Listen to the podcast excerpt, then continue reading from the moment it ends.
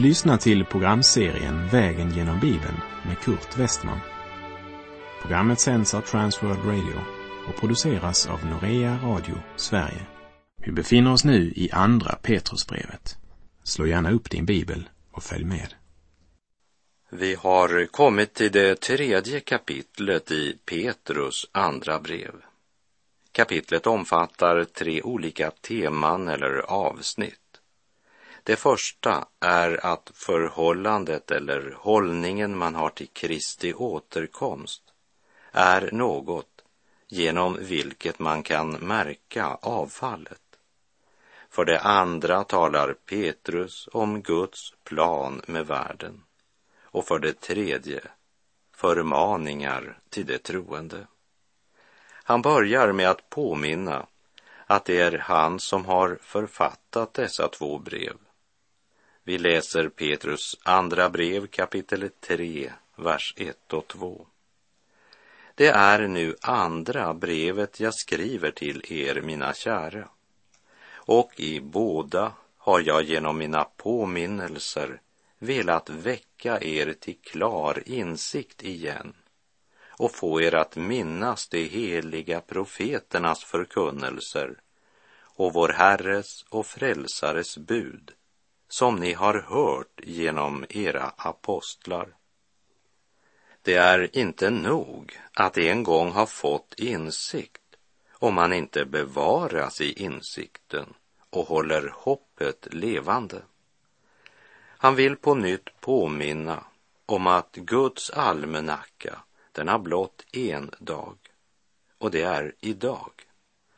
Satans almanacka har också bara en dag och det är imorgon. Petrus talar om att väcka dem till klar insikt genom att få dem att minnas vad de har läst i de heliga profetskrifterna. Han hänvisar till det profetiska budskapet i Gamla testamentet och till apostlarnas förkunnelse. Det vill säga, han refererar till både det gamla och det nya testamentet. Petrus har själv erfarenhet av vad det vill säga att glömma profeternas förkunnelse och vår Herre och Frälsares ord. Petrus kunde berätta om en natt när han försökte värma sig vid fiendens koleld. Därför att han glömt att hans herre hade sagt att Petrus skulle komma att förneka honom. Lukas 22, vers 61 och 62 återger händelsen så här. Då vände sig Herren om och såg på Petrus och Petrus kom ihåg detta som Herren hade sagt till honom. Innan tuppen gal i natt har du förnekat mig tre gånger. Och han gick ut och grät bittert. Problemet var att Petrus hade glömt frälsarens ord. Men han fortsatte inte att leva i den glömskan. Det blev en förändring i hans liv och nu vill han dela med sig av sina erfarenheter. Det är som Petrus ville säga, huvudet är närmare hjärtat än vad folk i allmänhet tror. Därför vill jag också i det här brevet, liksom i det förra, genom mina påminnelser väcka er till klar insikt igen och få er att minnas de heliga profeternas förkunnelser och vår Herres och Frälsares bud som ni har hört genom era apostlar. Petrus försöker aldrig att framhäva sig själv framför de andra apostlarna utan betraktar sig bara som en av dem som av Herren kallats till apostel. Och innan han avslutar så refererar han till något som Paulus har skrivit vilket betyder att han inkluderar Paulus bland apostlarna. Petrus säger att det han nu ska påminna dem om, det är sådant som redan profeterna i det gamla förbundet har vittnat om och som stadfästs av apostlarnas vittnesbörd. och han fokuserar på att hånet av sann gudsfruktan kommer att prägla den sista tiden före Jesu återkomst. Människor som har sin glädje och tillfredsställelse i att håna allt som är heligt. I Andra Timoteusbrevet 3.8 talar Paulus om sådana som står emot sanningen. Människor med ett fördärvat sinne och med en tro som inte håller provet. Och Petrus talar om människor som styrs av sina begär och som hånar löftet om Jesu återkomst. Vi läser Petrus andra brev, kapitel 3, vers 3 och 4. Framför allt ska ni tänka på att i de sista dagarna kommer det hånare som styrs av sina egna begär och som hånar er och frågar hur blir det med löftet om hans återkomst? Våra fäder har redan dött och allt är som det har varit sedan världens skapelse. Framför allt, säger Petrus, framför allt. Han säger i klartext att de borde lägga märke till och koncentrera sig om dessa som hånar Kristi återkomst och säger så här har det ju alltid varit. Lägg bland annat märke till att dessa hånare nämner inte Kristi namn. De säger bara löftet om hans ankomst. Och hela deras tal och hållning präglas av att de anser det vara ett falskt löfte eftersom allt verkade förbli precis som det alltid hade varit. Så hånet från ogudaktiga och likgiltiga som idag möter det sanna troende, det är inte något nytt. Även om förnekarna tror att det är nu, i den här generationen, som de har blivit så kloka att de inte längre kan tro på Bibelns budskap. Både Guds heliga bud och Kristi återkomst läggs i dimma genom alla de bibelkritiska röster som inte bara kommer från det som kallar sig ateister utan också från många predikostolar idag. Men Jesus själv säger att han skall komma tillbaka för att hämta det som tillhör honom. I Johannes 14, vers 2 och 3 säger han I min faders hus finns många rum. Om det inte vore så skulle jag då ha sagt er att jag går bort för att bereda plats åt er. Och om jag än går och bereder plats åt er skall jag komma tillbaka och ta er till mig för att ni ska vara där jag är. Och i Första Thessalonikerbrevet 4, verserna 16 till och med 18 skriver Paulus. Ty när en befallning ljuder, en ärkeängels röst och en Guds basun, då skall Herren själv stiga ner från himlen. Och först skall det som dött i Kristus Jesus uppstå. Därefter skall vi som lever och är kvar ryckas upp bland moln tillsammans med dem för att möta Herren i rymden. Och så skall vi alltid vara hos Herren. Trösta därför varandra med dessa ord. Men den som inte tillhör Kristus står under Guds dom. Petrus påminde om detta redan i sitt första brevs fjärde kapitel med orden Men det ska stå till svars inför honom som är redo att döma levande och döda. Men synd, njutning och egoism har gjort människan blind för livets och evighetens verklighet, gjort henne likgiltig och högmodig. Och därför ropar otron i sin dårskap, hur blir det med löftet om hans återkomst?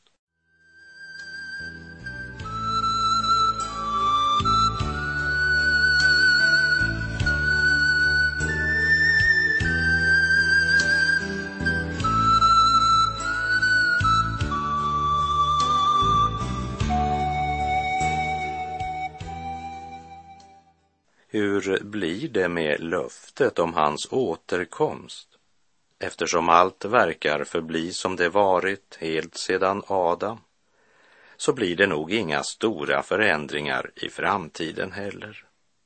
Och genom att strunta i vad Gud har sagt och förtränga sanningen så lever man vidare i sin falska trygghet och fortsätter att håna allt som är heligt.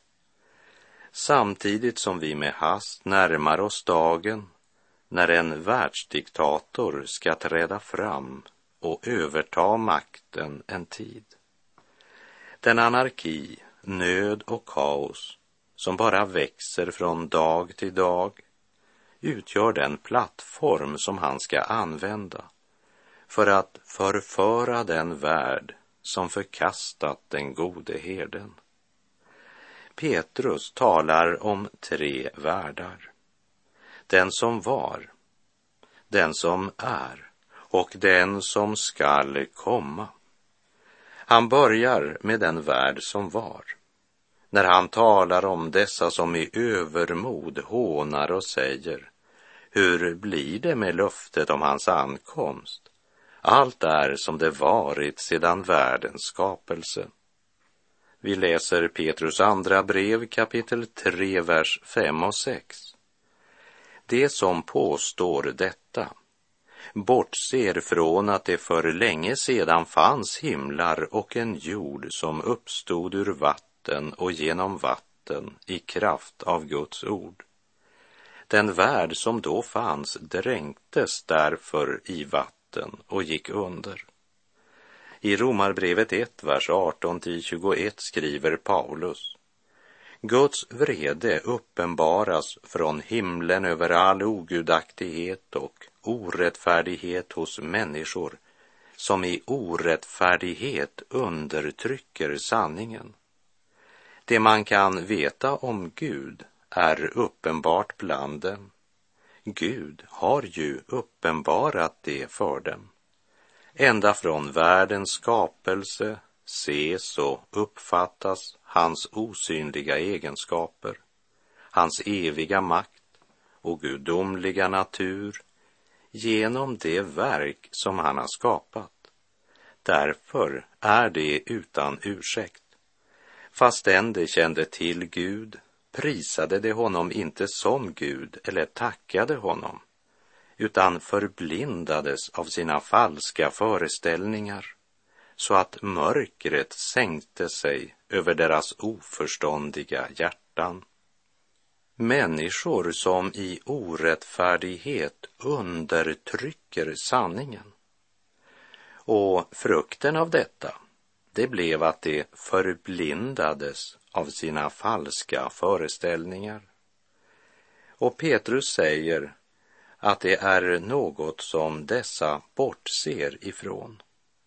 Hans ord kan peka ännu längre tillbaka i tiden än skapelseakten i Första Moseboks första kapitel talar om, där det står att jorden var öde och tom och mörker var över djupet och som kan antyda en stor katastrof i Guds skapelse som förde till kaos och oordning och ett mörker som gjorde jorden öde och obeboelig. Han siktar därmed till Satans uppror och avfall från Gud. Och profeten Jesaja beskriver det så här i Jesaja 14, verserna 12 till och med 14. Hur har du inte fallit från himlen, du strålande stjärna, du gryningens son? Hur har du inte blivit fälld till jorden, du som slog ner folken till marken? Du sade i ditt hjärta, jag skall stiga upp till himlen, ovanför Guds stjärnor skall jag upprätta min tron. Jag skall sätta mig på mötesberget längst uppe i norr. Jag vill stiga upp över molnens höjder. Jag skall göra mig lik den högste. Satans tanke och plan var aldrig att bli en motsats till Gud. Han önskade överta Guds plats. Och det finns många människor idag som verkligen önskar vara små gudar här nere. Men varje människa som inbillar sig att han genom sin egen insats och sina egna gärningar och strävanden kan bereda sig själv frälsning bortser ifrån att han har att göra med en helig, rättfärdig och fullkomlig Gud. Förblindade av sina falska föreställningar har mörkret sänkt sig över deras oförståndiga hjärtan så att de inte längre inser att de är förlorade syndare och att Gud har berett en väg till frälsning för var och en som vill ta emot Guds rika frälsningserbjudande. Herren Jesus sa, jag är vägen, sanningen och livet. Ingen kommer till Fadern utom genom mig. Om du inbillar dig att du kan komma till Gud på någon annan väg än genom Jesu Kristi försoningsstöd för dina synder, så är det detsamma som att säga Flytta dig, Gud. Jag kommer upp för att sitta vid din sida, för jag är också Gud. Det var ju just det som var Satans tanke och önskan och det förorsakade en dom genom vilken han uppenbart kastades ut från himlen, kastade ut alla de änglar som förenat sig med Satan, som var gryningens son. Men Petrus ord kan också sikta till dem som på Noas tid omkom genom vatten, det vill säga syndafloden. Och det är väl störst sannolikhet att det är det Petrus här har i tanke. Då en hel civilisation utplånades genom floden. Och det är en historisk händelse som är väl dokumenterad. Vid utgrävningar och undersökningar gjorda vid det kaldeiska ur påträffade arkeologerna stora mängder sand, bottenslam och avlagringar som förts dit av en enorm översvämning. Sedan, under allt detta, fann man rester av en högtstående civilisation som plötsligt gått under. Och jag tror att Petrus siktar till syndafloden på Noas tid, som är stadfäst genom många arkeologiska utgrävningar som gjorts. Men om Petrus refererar till den gång Gud dömde Satan eller till katastrofen på Noas tid, det är inte det avgörande. Det viktiga är att vi inser att en civilisation gått under genom Guds dom över synden. Den som gör narr av talet om Jesu återkomst bortser från att det för länge sedan fanns himlar och en jord som hade uppstått ur vatten och genom vatten i kraft av Guds ord och att den värld som då fanns dränktes i vatten och gick under. När man är dåraktig nog att håna Gud så beror det alltid på att det är något avgörande man bortser ifrån. Stora och högmodiga ord har aldrig saknats när det gäller de som lever utan Gud och som bortser från att de en dag ska stå till svars för alla sina tankar, ord och handlingar. Den fallna människan som i sitt högmod hånar allt heligt står i stark kontrast till Bibelns klara lära om Jesu återkomst och Guds dom över synden.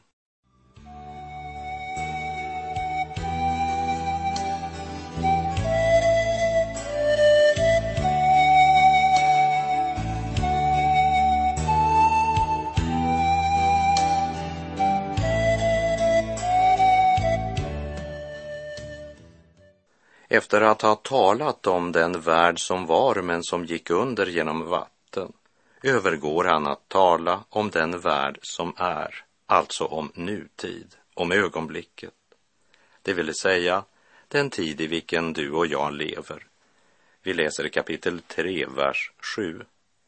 Men de himlar och den jord som nu finns har i kraft av samma ord blivit sparade åt eld och förvaras till den dag då de ogudaktiga skall dömas och bli fördömda. Med klara ord säger Petrus att vår värld har sparats åt elden. Det blir aldrig någon mer syndaflod. Det är en dom som redan har varit. Vatten utplånade den civilisation som då var. Men på den tid som nu är väntar en annan sorts dom, nämligen domens eld. Med andra ord så är allt som finns i vår värld bara något tillfälligt, temporärt. Vi bor i ett rivningshus. Det grekiska ord som översatts med förvara, det är samma ord som Jesus använder när han talade om mannen som samlade sig en skatt. Men vad hjälper det en människa om hon vinner hela den värld som egentligen inte är något annat än ett rivningshus? Och Gud har verkligen gjort allt han kan för att göra det klart för oss att den nuvarande världen, den är på väg mot sin undergång. Gud önskar att vårt mod och vårt hopp inte ska bestå av allt vi bortser ifrån utan genom att uppenbara sanningen om vår situation. Han är vår enda räddning. Kapitel 3, vers 8. Men glöm inte detta, mina älskade, att en dag för Herren är som tusen år och tusen år som en dag. I sitt andra brev till Timoteus skrev Paulus i kapitel 3. Det ska du veta att i de sista dagarna ska det komma svåra tider. Människorna kommer att älska sig själva och vara penningkära, skrytsamma, stolta, hånfulla, olydiga mot sina föräldrar, otacksamma, gudlösa och så vidare. Under sådana svåra förhållanden så kan det nog stundtals verka som om Herren hade glömt sina löften. Tiden bara går och går och det verkar som om ingenting händer. Men då ska vi komma ihåg att Guds tålamod, det är sådant att för honom är tusen år som en dag. Vi läser vers 9 och 10. Herren dröjer inte med att uppfylla sitt löfte, som en del säger. Nej, han har tålamod med er, eftersom han inte vill att någon ska gå förlorad, utan att alla ska få tid att omvända sig.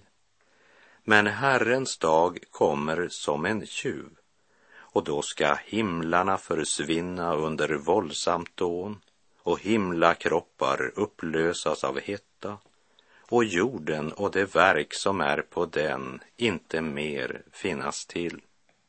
Gud har evigheten bakom sig och evigheten framför sig.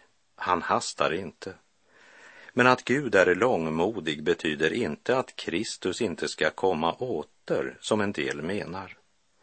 Gud vill inte att du ska komma under domen, men han vill göra klart för dig att den här världsordningen går mot sitt slut och att det kommer en dag då jorden och det verk som är på den inte mer ska finnas till. Vi läser vers 11 och 12. Då nu allt detta går mot sin upplösning, hur heligt och gudfruktigt ska ni då inte leva, medan ni väntar på Guds dag och påskyndar dess ankomst.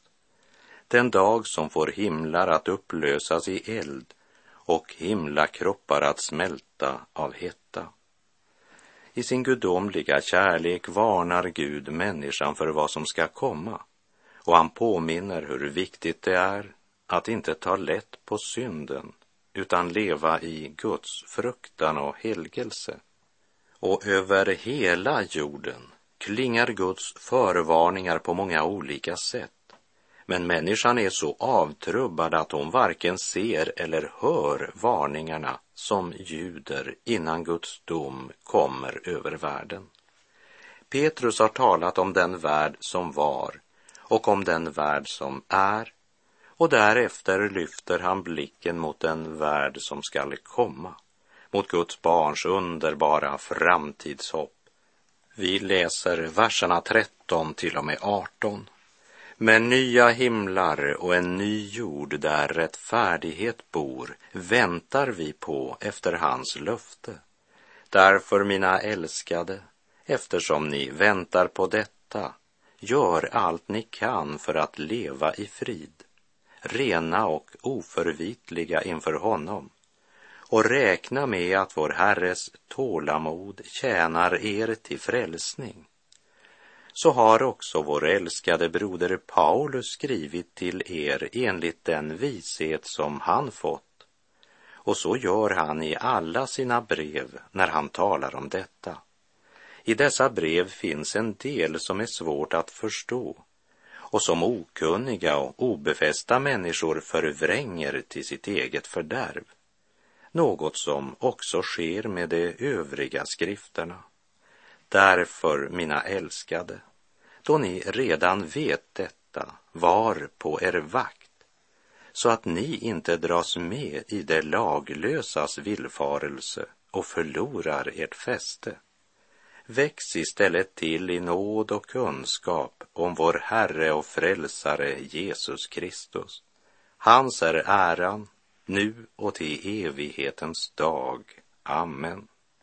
Han avslutar med orden var på er vakt. Väx till i nåd och kunskap om vår Herre Jesus Kristus. Och i Första Korinthierbrevet 2.12 skrev Paulus, men vi har inte fått världens ande, utan den ande som är från Gud, för att vi ska veta vad vi har fått av Gud. Det är ett ting som vi som Guds barn skall och bör veta. Därför bör vi inte vara varken likgiltiga eller lata när det gäller det personliga studiet av Guds ord. Låt oss be Guds ande ge oss en hunger efter större kunskap om Jesus. Ja, jag ber att vår Herre Jesu Kristi Gud, härlighetens fader, ska ge oss vishetens och uppenbarelsens ande så att vi får en rätt kunskap om honom och växer till i nåd och kunskap om vår Herre och Frälsare Jesus Kristus. Och med det så är vår tid ute för den här gången. Herren vare med dig. Må hans välsignelse vila över dig. Gud är god.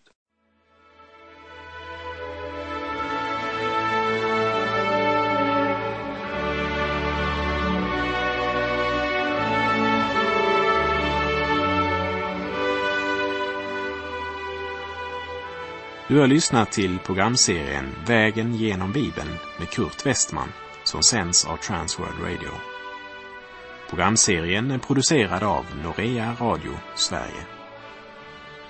Om du önskar mer information om vårt radiomissionsarbete så skriv till Norea Radio Sverige, box 3419 103 68 Stockholm. Adressen är alltså Norea Radio Sverige box 3419. Postnumret 10368 Stockholm.